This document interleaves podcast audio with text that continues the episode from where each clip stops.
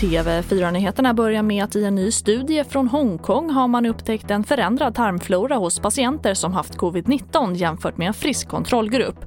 De sjuka hade en högre mängd bakterier som förknippas med exempelvis inflammatorisk tarmsjukdom.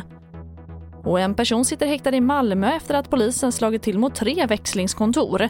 Polisen misstänker att kontoren är centrala i en omfattande organiserad brottslighet och att bara ett enskilt växlingskontor kan tvätta hundratals miljoner kronor varje år.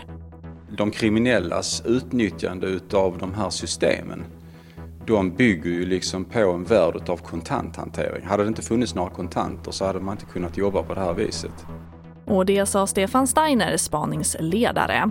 Och vi avslutar med att Hyllingeskolan i Åstorp i Skåne stänger sin lågstadieverksamhet i tre dagar efter omfattande smittspridning av covid-19. Och om läget inte förbättras kan nedstängningen bli ännu längre. TV4-nyheterna, jag heter Charlotte Hemgren.